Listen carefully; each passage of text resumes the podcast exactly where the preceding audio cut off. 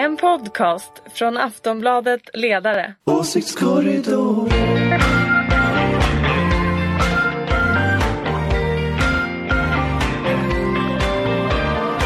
Hej och välkommen till Åsiktskorridoren, det är alltså Aftonbladet Ledarsidas podcast. Eh, Vi lovade förra veckan att sända, det gjorde vi inte, Ulrika Schenström. Nej, jag blev sjuk. Var det där? Jag låg, jag har, ja det är en av orsakerna. Men det kanske inte bara är därför. Men, det var- men jag låg faktiskt, det är väldigt synd om mig. Ja. Jag var sjuk hela midsommar. Okej, oj det var tråkigt. Och jag fick Det var väldigt ett, ett mail till och med där någon frågade var är åsiktskorridoren? Jonna Sima är det som talar nu. Och Anders Lindberg är här. Hej allihopa. Vi får bli heter- bättre på att heter, informera när vi blir sjuka eller så. jag heter Fredrik Virtanen. Ja, men det var ju midsommar också, då tänkte att ingen kommer ju sitta, sitta ändå på fredag och lyssna på det här. Ja, men- Folk dricker ju snaps då eller dansar grodor. De kanske hade tänkt sig att liksom så här, barnen dansar Ja. grodor, jag sitter i Ja, skuggan det. här, tar en pilsner och lyssnar på åsiktskorridoren. Ja det är sant, men det blev inte så. Vi ber om ursäkt. Eh, vi är tillbaka nästa, på tisdag också. Ja, Ja, Men det här spelas in på torsdag från för- Almedalen faktiskt. Mm. Direkt från Direkt. Almedalen kommer vi att spela in nästa avsnitt. Ska vi börja snacka om Almedalen eller ska vi börja snacka om Kent Ek- Ekeroth eller ska vi börja snacka om Kent Ekeroth är rolig att snacka om. Mm. Ja han dömdes ju då till eh, för ringa misshandel som Till ringa misshandel skrev ju Ekot. Det tyckte jag var lite, det var och det är jobbigt dagsböter som är sammanlagt närmare 40 000 spänn så man tjänar ju mycket Eh, det, det var inga konstigheter, det är klart man, det, att slåss i en krogkö, sådana här dussinmål som bara skickas igenom eh, tingsrätterna i Sverige hela tiden eh, Men det här var ju skillnaden skillnad eftersom hans politiska karriär hänger på det här Och den hade väl varit beslut ändå men nu blev han dömd, så vad händer nu? Alltså jag tror ju att det finns någonting där med Kent Ekeroth. Han har nog ganska mycket information om den här nuvarande ledningen i Sverigedemokraterna. Så det kan ju finnas en anledning till varför de håller honom kvar, eller hur? Ja, det är Han väl, kanske liksom, man vill inte ha honom på stan med alla sina filmer och Nej, inspelningar och det var ju han som filmade järnrörshistorien också. Ja. Eh, nej men det är väl det man spekulerar i om det, han har olika hållhakar Ja, på Jimmy Åkesson och gänget eller om han är så pass viktig för partiet alltså ja, är, det, är, det inte, är det inte så? Alltså, ibland så undrar man, det verkar vara en partikultur som filmar varandra. Mm, Men man undrar fräscht. om inte det som Jonna, ja precis vad fräscht. det, det är ingen här just nu som filmar någon så det, det är ju bra. Nej men alltså det, det, jag undrar om inte precis som Jonna säger att han är väldigt viktig för partiet. För den här liksom näthorden som på något sätt de mobiliserar, den, jag undrar hur mycket han kontrollerar den. Jag undrar vad som händer den dag de kickar ut honom. Alltså kommer Jimmy Åkesson att få hela den där gänget i ansiktet Ja då men det är det liksom? jag menar, antagligen. Men samtidigt vill ju SD nu bli, de försöker bli ett liksom fint parti, de vill ju bli accepterade av åtminstone Moderaterna och de vet ju att de inte är populära och han är ju Och det kom ju en mätning idag, eh, alltså som visade sig att de går ju jättebra SD i opinionen. Ja, Mm. störst bland arbetare. Nej, men jag tror inte han är bara viktig för de här nät, den här näthorden utan också för de mer eh, Alltså väljare som tycker att eh, Sverigedemokraterna kanske har blivit mesiga, viker ner sig för att anpassa sig efter Ja, Moderaterna. jag alltså, alltså att det är ju, ja, han är Men viktig för att alla framförallt de nöjda. när det är för dumt, när man liksom alla normala, ganska så här hypotetiska ändå, friska svar som så här varför är det på det här sättet inte går att finna. Att det liksom det går inte att hitta ett bra svar för att man börjar nästan känna sig som jag någon gång har sagt här inne eh, Rosa Pantern 60-talsfilmer där han- chefen han som nästan tar in på sinnessjukhus för att man förstår inte varför människan är kvar. Ja, då måste det finnas Då en måste finnas någonting annat bakom som vi inte ser. Men tänk om det dyker upp nu så här, domen vinner laga kraft han sparkas ut, två veckor senare dyker det upp liksom en mobilfilm på nätet av Jimmy Åkesson i något mindre fördelaktigt sammanhang. Då kommer ju alla att misstänka honom. Så, så frågan är liksom, är det så enkelt? Nej men det kanske inte är. Det kanske är ännu mer komplicerat men att det finns någonting där som vi inte ser. Därför att i Ja, vilket det. annat sammanhang så hade vilken annan riksdagsledamot inte fått vara kvar. Nej, Expo hade en sån här räkning så här, på sidan igår. Det var så här fullkomligt normalt. Mm. 15-16 gånger han har gjort saker som alla normala människor åker ut för. Det är ungefär som den VD kvar. till exempel på ett mediebolag eller ett annat bolag bara har röda siffror i bokslutet i 25 år. Det är ju jättekonstigt. Ja, men- men Riktigt så, så- länge har han inte varit med Nej men i jag SD. var bara ett men, litet ja, exempel. var ett kanske exempel. något apart. Men Men det låter som att ni, Nej men det är någonting, det är Ja, men- någonting spännande här som här. man vill gärna veta. Stopp Han är ju på väg ut nu, det har ju de ju sagt mer eller mindre. Ja fast de, de klarar inte riktigt av att hålla det igår för det var först, först var han på väg ut men sen var det minsann när domen hade vunnit laga kraft och nu är domen överklagad och blubb blubb blubb så de drar ju ut på det. Det, det fanns igår, jag vet inte om hur många som, som läser Ted Ekeroths Facebook men det fanns ju igår världens öppna gräl i Sverigedemokraternas högsta ledning där de la ut fula bilder och roliga saker på Ted Ekeroths Facebookgrupp. Så det spreds ju på nätet rätt mycket igår. Det var många som tittade på den för det var en öppen profil då. Och Ted låg- är då eh, Kents tvillingbror Ja. som har hoppat av Sverigedemokraterna. Precis. Mm. Och det där spreds ju öppet igår så alla satt ju och tittade på det där eh, som någon sån här direktsändning från liksom det inre livet i Sverigedemokraterna. Och det gör ju att det blir, det blir väldigt intressant alltihopa detta att Tänk om det är så att det här blir ett steg till något större, att det blir en partisplittring, att liksom precis när partiet är på topp då säger det bom och så, så liksom skakningen på nedre däck De har ju kommer alltid liksom. bandat varandra i det partiet också. Det finns säkert, det finns säkert bandningar eller till och med filmer då tillbaka till 90-talet säkert.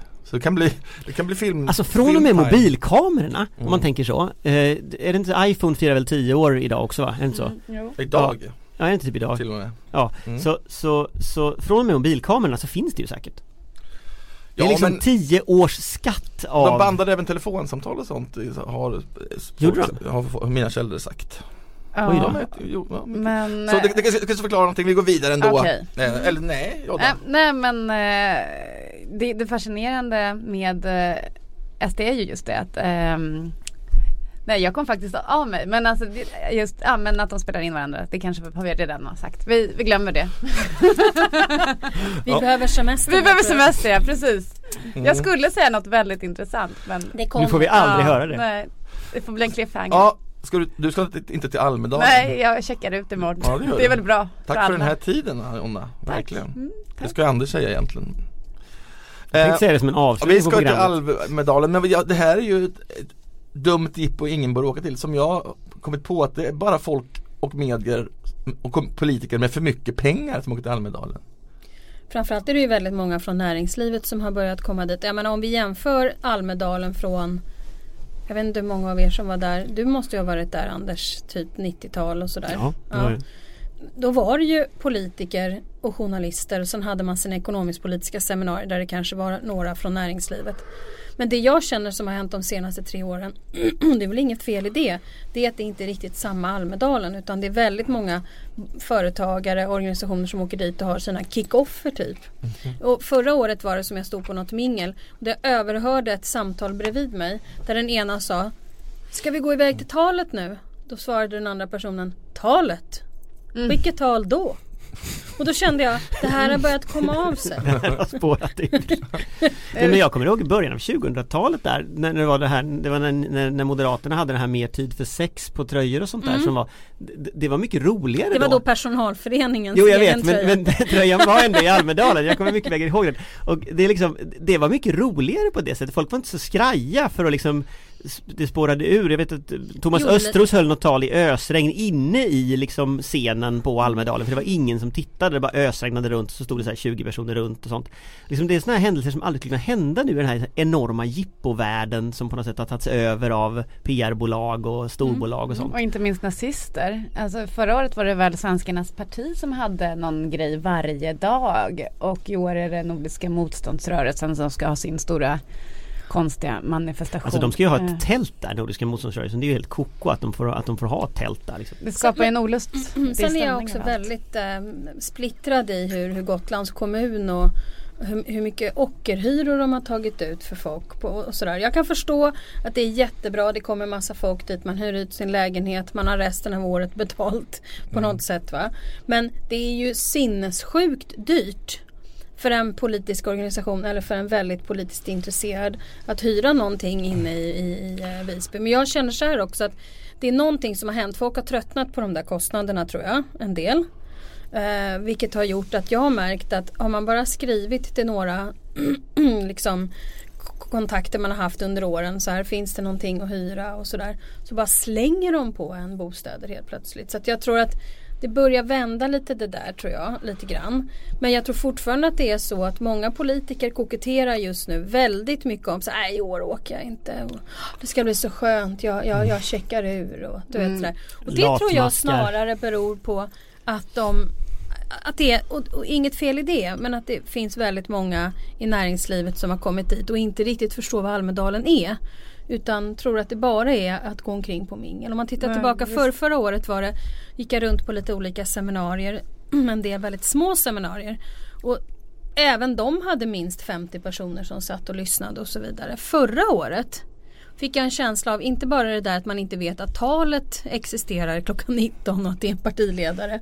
Utan att man faktiskt inte fattar att det är seminarier som är nej. överallt under hela dagen. men det utan finns- de går liksom på jag tror att de, Det de finns ju sover något, ut på morgonen, sen går de på lunchmingel och så minglar de hela eftermiddagen och sen är det andra Ja, mingel. men det finns ju något paradoxalt i hela grejen. Alltså, det arrangerades för att visa på det, liksom, det öppna svenska samhället och där man kan faktiskt komma i närkontakt med eh, politikerna eller topppartiledarna till och med. Eh, och sen så har det blivit liksom, för dyrt för vanligt vanliga människor som är politiskt intresserade. De har helt enkelt inte Och sen, möjlighet att åka och sen dit. säkerhetsmässigt så kommer ju vi att ha så mycket poliser och säkerhetspoliser så det har aldrig varit något liknande. Så att det, jag vet inte hur öppet det är heller Så då kanske det blir någonting, för media är ju också där och överrapporterar nå- något så in i helsike. Du vet ju på den här redaktionen, eller den här tidningen varje Jag vill år. bara påpeka att Fredrik försöker få det att låta som att han inte åker dit. Alltså Fredrik kommer att vara där vill jag bara påpeka. Jag är tvingad av dig att åka dit. Jag vill bara påpeka att du kommer att vara där och vi kommer att sända åsiktskorridoren därifrån. Ja det Ja. kommer vi. Ja, och det är därför jag åker dit. Eh, vilket också, är sjukt. apropå för mycket pengar. Och Jag åker dit bara för att göra åsiktskorridoren, det är ju helt sjukt.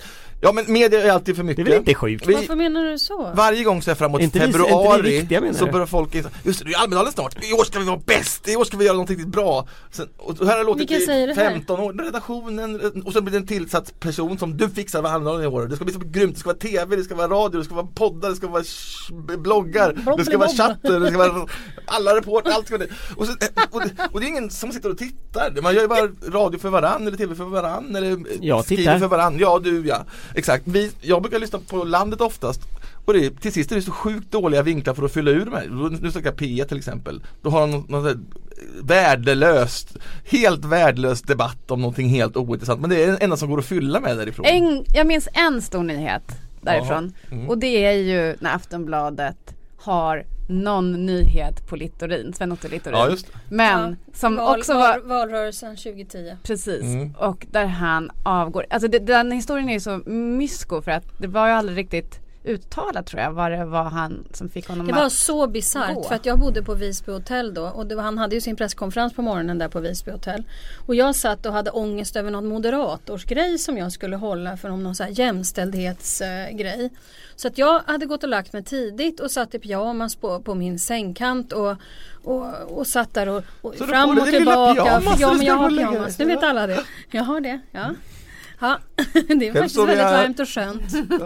Kan inte Ulrika få komma till Ja, jag sitter i alla fall där på rummet och går igenom den här upplägget för det här seminariet fram och tillbaka, fram och tillbaka. Jag vet inte varför jag hade hetsat upp mig så otroligt mycket över det här. Ibland gör man det. Ja, så är jag klar och sådär och så tänker jag så här, nej. Och min man han är ute och svirar någonstans och sådär. Så att jag går ner i, eh, sätter på mig kläder och så går jag ner, bra va? Mm. Eller Ja, hur tur. Fredrik? Det var ju Ja. tur. Så gick jag ner i, annars jag tänkte den kommer, eller hur? Ni excentriska moderater, man vet ju ja, aldrig. man vet ju Ja. inte. Ja, så gick jag ner i baren och då var det någon fotbollsmatch. Så skulle jag ta med mig ett glas vin upp till rummet. Och Direkt från pyjamasen ner till... ner i, i liksom brallor och annan tröja och ner och skulle köpa ett glas vin och ta med det upp och sen titta på någonting på TV. Då sitter ju halva mediakåren där nere. Och tittar på den här fotbollsmatchen. Och jag har aldrig varit, alltså, jag vet att jag är intressant men jag har aldrig sett så många som tyckte att titta där står hon här på Visby hotell och bara vad gör du här? Ja, alltså jag ska köpa ett eh, glas vin här och jag håller på att förbereda mig för Då tänkte alla, dålig bortförklaring, det Ja. tror vi inte på. så att folk följt efter mig. Jag bara, ja, god, god, godnatt och... och då insåg jag, jag stängde dörren och så ringde jag min man och sa There is something going on. Mm. så att Ja, jag, jag visste att det var någonting på gång där Där redan. fällde man en tolvtaggare. ja det är Littorin eh, skyllde på Jag, jag, var på den sina barn. jag var på den pressträffen faktiskt när, Littorin avgick och jag fattade ingenting. Nej, det gjorde ingen jag- annan heller. det, var, det var inte en väldigt upplysande pressträff. Nej. Eh, jag vet inte vad jag Men det har ju var. hänt fler saker. Jag kommer ihåg när, när Maud Olofsson skulle förklara i eurokampanjen att Jo, Hitler jag hade gjort vissa dåliga Och saker. jag var med då för att jag, jag och Fredrik stod efter, det var i Studio 1 tror jag. Fredrik i det här fallet är alltså inte Virtanen. Nej. Reinfeldt. Och vi skulle, vi, Fredrik skulle in på intervju efter Maud och ehm, ja. Och, och du vet när, man, när sådana här saker händer i realtid och man tittar så här. Vad sa hon nu? Mm. Mm. Men det var ett väldigt bra citat. Hitler har gjort vissa tokiga saker tror jag hon sa. Och sen så drunknade resten av resonemanget. Fast det där är ju faktiskt intressant att, att man tänker att de här talen det är liksom bara det sista inför sommaren, det betyder inget speciellt. eh, Men man kan ju säga också att Åsa Romsons tal, sista tal där, det blev liksom början på slutet på hennes Ja, det politiska blev det. karriär. Det blev Men, det. men min, min absoluta kanske mest eh, liksom eh, bizarra minne av Almedalen är ändå valrörelsen 2002 när jag var pressekreterare till Bo Lundgren. Och man hade dragit ner, han skulle inte hålla tal som ni kanske minns de som var med. Ja, ja, Men han jag. var ändå Mm. där hela veckan och och det här, var, det här var en stor strid eh, och så vidare. Och eh, sen helt plötsligt skulle vi ha ett torgmöte på de Tired of ads barging into your favorite news podcasts? Good news. Ad-free listening is available on Amazon Music for all the music plus top podcasts included with your Prime membership. Stay up to date on everything newsworthy by downloading the Amazon Music app for free or go to amazon.com slash news ad free. That's amazon.com slash news ad free to catch up on the latest episodes without the ads. Donners plats. På den tiden var det inte fullt med ballonger och, och tält och grejer där. Och alla moderater på plats stod där på Donners plats och det var en moderator och sådär. Då kommer Lillemor Idling som då jobbade på, på TT fram till Per Unkel och jag står där med min bandspelare och bara nu händer det något. Du vet sådär. Och så säger Lillemor men jag förstår inte riktigt eh, om alla moderater som är på plats varför är inte Bo Lundgren med på den här liksom, eh, torgmötet? Då svarar Per Unckel, nej vi har dragit ner lite på partiledarens framträdanden. Och jag står så här, okej, vad händer nu? Har vi? Och så säger Lillemor Ida, men var är han då? Och då svarar Per Unckel, han är och badar. Och då kände jag, this is not the beginning, this is the end of the beginning. The Efter detta delade, delade även SSU ut ransoneringskort kommer jag ihåg, men när han sonerade Bo Lundgren. Ja och så tittade hela, all, alla liksom kvällsisar bara tittade på mig och bara så här vilken strand? och så kände jag, nu går jag och dör. Ja det kan hända Så vad, grejer. vad kommer att hända den här gången då i sommar? Ingen är där, alla liksom Alla tycker det är ett mellanår Löfven är inte där nej. Han är i Norrland. Mm, det är äkta. Det är sant. Det är bra. Han är i Kalmar. Jag ska också vara i Norrland Nej, han istället. ska vara i Norrland. Du har inte alls, du har inte sett att jag Men han kommer har ju än kallat Anders. till en presskonferens. Han har ju kallat, han ska ju besöka i Kalmar. Alltså, jag såg eh, Norrländska nu. Socialdemokraten stoltserade med två Men besök i Norrland har det under ju Almedalen. om att han ska vara där. Det finns en flygplats Nu ska vi prata om Han det- kanske ska vara på båda ställena Okej. Nu ska, vi Jag har ingen nu ska vi prata om det svenska tillståndet. Ska du stänga av din kamera eller? Okej Vet ni vad det svenska tillståndet är? Jag har tydligen det norska eh, uttalandet om hur det är i Sverige. Ja, jag har ingen aning om det där. Det hade inte jag heller. Det Det var, där An, är- Anne, det var Anne Holt eh, som skrev en... Eh, Var det den norska? Ja, nej, ja, det var det väl, det kanske försökte. Jag vet inte, det, det var översatt av Björn Wiman, så det kanske var den publicerad först i norsk press, jag vet inte. Men den publicerades i DN och den handlar då om hur man använder det svenska tillståndet som ett skällsord, alltså högerpolitiker.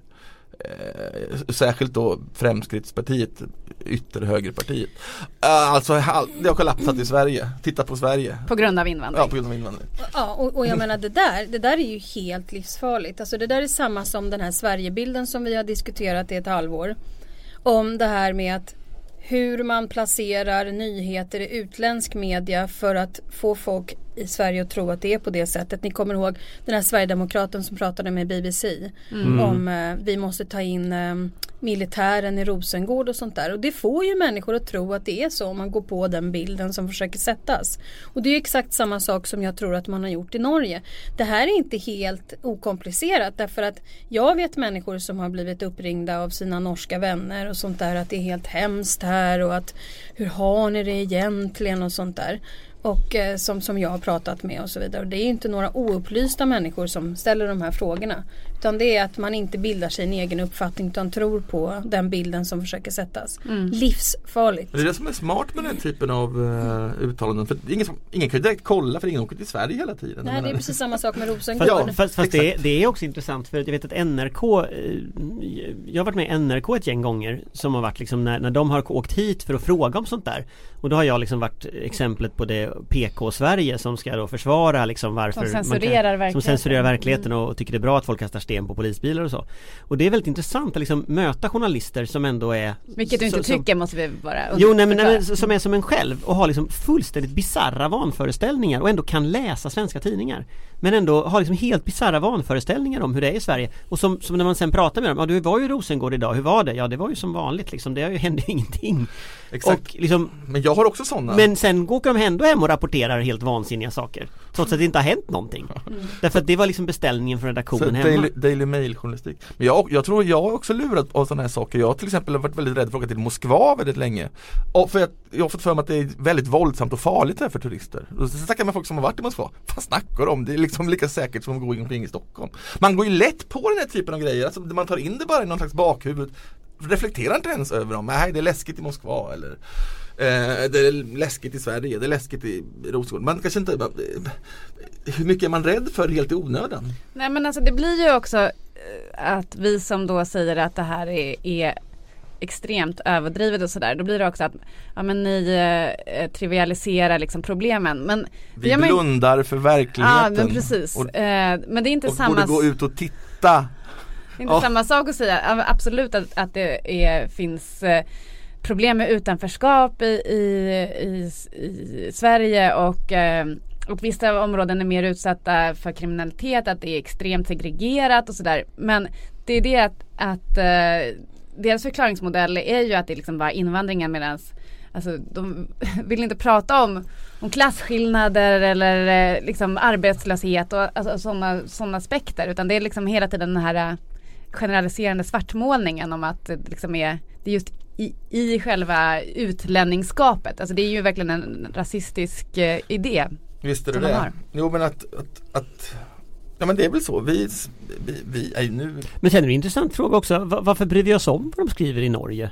Alltså vi, vi blir ju också så här helt animerade och upphetsade och börjar vifta med armarna för att nå- någon i Norge skriver om blir nationalister Vem bryr plötsligt sig? Ja men allvarligt kan ni säga talat, de får väl skriva, land. vem får väl de skriva vad de vill i sina tidningar eh, Så, Ja, det, det sen, ju... sen, sen så kallar vi dem för sista klart- Sovjetstaten när de inte hör och så blir de, alltså Vem bryr sig? Alltså jag tror att det, fin- det finns någon sån här bizarr relation här mellan Norge och Sverige där vi liksom onödigt mycket bryr Fast det oss spelar nog ingen roll vilket land det är. Utan Ja, det fast Danmark man har ju alltid skrivit såna här saker om oss. inte- Ja, jag vet Och det. det är väl ingen som har brytt sig än så länge? Nej, men det är inte särskilt smart eller bra för något land om någon håller på sådär, eller Nej nej det är det inte. Men jag tänker att om på varför tänker just, på varför Norge- bryr vi oss så mycket om just att det är Norge? Men jag- jag tror- att vi... Nej men det är väl inte att, att, att det är Trump, det var ju samma sak med honom, vi brydde oss om det också. Ja men han leder ju fan en supermakt Men Ja. vad som verkar vara grejen med Norge, eh, jag var ju där i höstas också och gjorde ett reportage eh, om deras eh, ja, men flyktingpolitik och sådär. Eh, och där märker man att den här,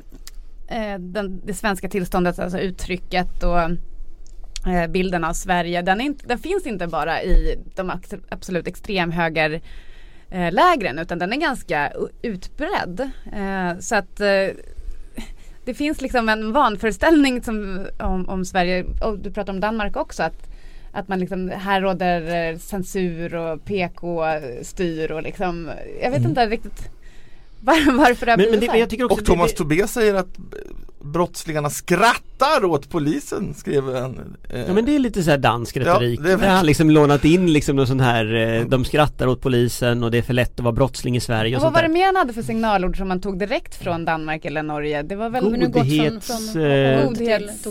Ja. Aha. det var, var det Signalering, god, eller? Godhetssignalering, ja, det Ja. ja men det var ju några månader sedan va? Ja men det var ju också från Norge eller Danmark. Som Fast nu är han ju rättspolitisk talesperson, då var han väl bara partisekreterare. Nu har han ju liksom kommit upp sig här. Ja, men han säger också att det är hemskt i olika förorter och det gör han på samma vis då som, folk eh, är i Karlstad och eh, är rädda för de här förorterna precis som norrmännen skrämmer med Sverige. Det är exakt samma politiska Jo. taktik. Men när sådana här saker då kommer tillbaka till Sverige som det nu har gjort så är det klart att folk kanske tror att det är sant. Alltså folk blir osäkra. Alla håller inte på som vi, vi konstaterade förut. Man håller inte på och åker till Rosengård själv hela tiden. Man, man kan inte åka land och rike runt hela tiden och kontrollera ifall allting stämmer eller inte stämmer. Det tror jag skapar en, en oro eller åtminstone en osäkerhet. Men eh, Folk nej, måste ut och kontrollera medieuppgifter. Nej men alltså allvarligt talat, jag säger det till alla. Skapa dig en egen bild och tro inte på vad folk skriver.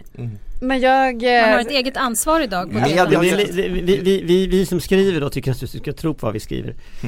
Jo men det Ja, kanske men är alltså- en viss skillnad mellan en ledarsida och mot eh, utländska medier som beskriver någonting Daily som... Mail ska vi inte lita på de Nej men Daily. Mail är ju liksom, de är ju bara ett Nej, men jag måste bara berätta för att det finns ändå så här, några som vågar ifrågasätta den här bilden som jag läste bland annat i, i en norsk tidning som sa att Norge behöver, tränger mer av det svenska tillståndet. Eh, och då berättade han, eller be, han beskrev då svenska innovationer, alltså vår musikexport och Spotify och det är liksom allt ifrån skiftnyckeln till dynamiten och allt vad Du tänker på den norska bilproduktionen och så också som nej men, Norska Hennes och Mauritz, eh, nej norska. Ikea. Nej, men- Ja, ja, det- Hennes och Mauritz har gått ner 40% senaste året. De har helt missat i digital försäljning. De är helt Nej, off Fredrik, i moderniteten. I, I morse kom deras eh, halvårsrapport och den var mycket positiv. Men, men i alla fall. Jag Norska måste, SKF. Ju- hallå, jag måste få... Det var inte alls positivt. De har ju gått ner 40% det sa jag ju. För att inte tala om den norska försvarsindustrin, den är mycket Ja, framgångsrik. men får jag Håna, berätta? nu hånar du Norge bara. Ja, ni avbröt ju en god försvar. historia. Då vill- ville den här skribenten lyfta fram vad Norge har. De har ju i princip bara oljan Mm. som deras förmögenhet bygger på. Men de har faktiskt kommit på kvargen med päronsmak. Jag vet inte, om- Ah. är det päronsmak eller är det, är det potatissmak? Aha, jag vet jag inte. ja men det var deras bidrag till världen. Kvarg med päronsmak. Och olja. Ja, olja. Och det lever man ju Oljan på. låg alltså där innan 1905 och då var Sverige och Norge union så den är svensk. Mm, Så att det här eh, svenska tillståndet kan faktiskt Det vara ganska bra. Enligt Tage Danielsson. exakt, men att, att det finns ett sådant begrepp är bara helt sjukt. Så man ska, det, det, det är ungefär som, ja, PK-maffian. Då ska alla veta vad det betyder. Svenska tillståndet. Vet, det var ju Sverige. Fast jag tror att det intressanta här är varför man bryr sig så mycket om varandra. För Norge, jag vet att Esan Fadakar här skrev ju en krönika för några, nå- några år sedan om Norge. Jag kommer inte ihåg vad den Men handlade vi om. bryr oss inte om Norge. Jo det gör vi, vi Nej, sitter här och pratar om Norge. Och de blev det jättearga det i det flera om. veckor. Det så kan säkert det, vara det finns så. en märklig relation här som liksom, vi, vi kommer inte ifrån den. Att vi, det, är, det är ungefär samma människor överallt Mm. i Norge och Sverige. Och så måste vi betona de små skillnader som finns och då blir det liksom Men det här som är grejer. problemet är att det finns ett parti som verkligen växer på grund av att de här sakerna inträffar. Oavsett om det är Norge, Danmark eller, eller Trump. Och det är den här osäkerheten om det är så att jag har det bra men det finns en stora, stora problem på andra ställen. Exakt. Exakt. Välformulerat. Tack. Eh, det- Äntligen på min sida. Nej, är, men, men då var jag inne på varför, varför M har, har anammat den retoriken. Tror de verkligen, borde de inte byta nu när de sett hur dåligt det gått? Ja, jag, jag har ju som sagt eh, många gånger sagt i den här podden att jag inte riktigt förstår närmandet till SD. Men framförallt så är det så, det har jag också sagt många gånger, att SD har växt på grund av att man ett inte har tagit tag i de här frågorna, alltså då den här bilden som har försökt sättas. Men också för att man inte har, vadå, nästan så vi kan sjunga det. Man har inte ansvarat för att göra de riktiga, kreativa, bra och framåtsyftande funnits- Men jag bråkade faktiskt pengar. med han Tobé på Twitter igår om det där med reformer. Eh, och eh, då föreslog att de skulle ha lite reformer.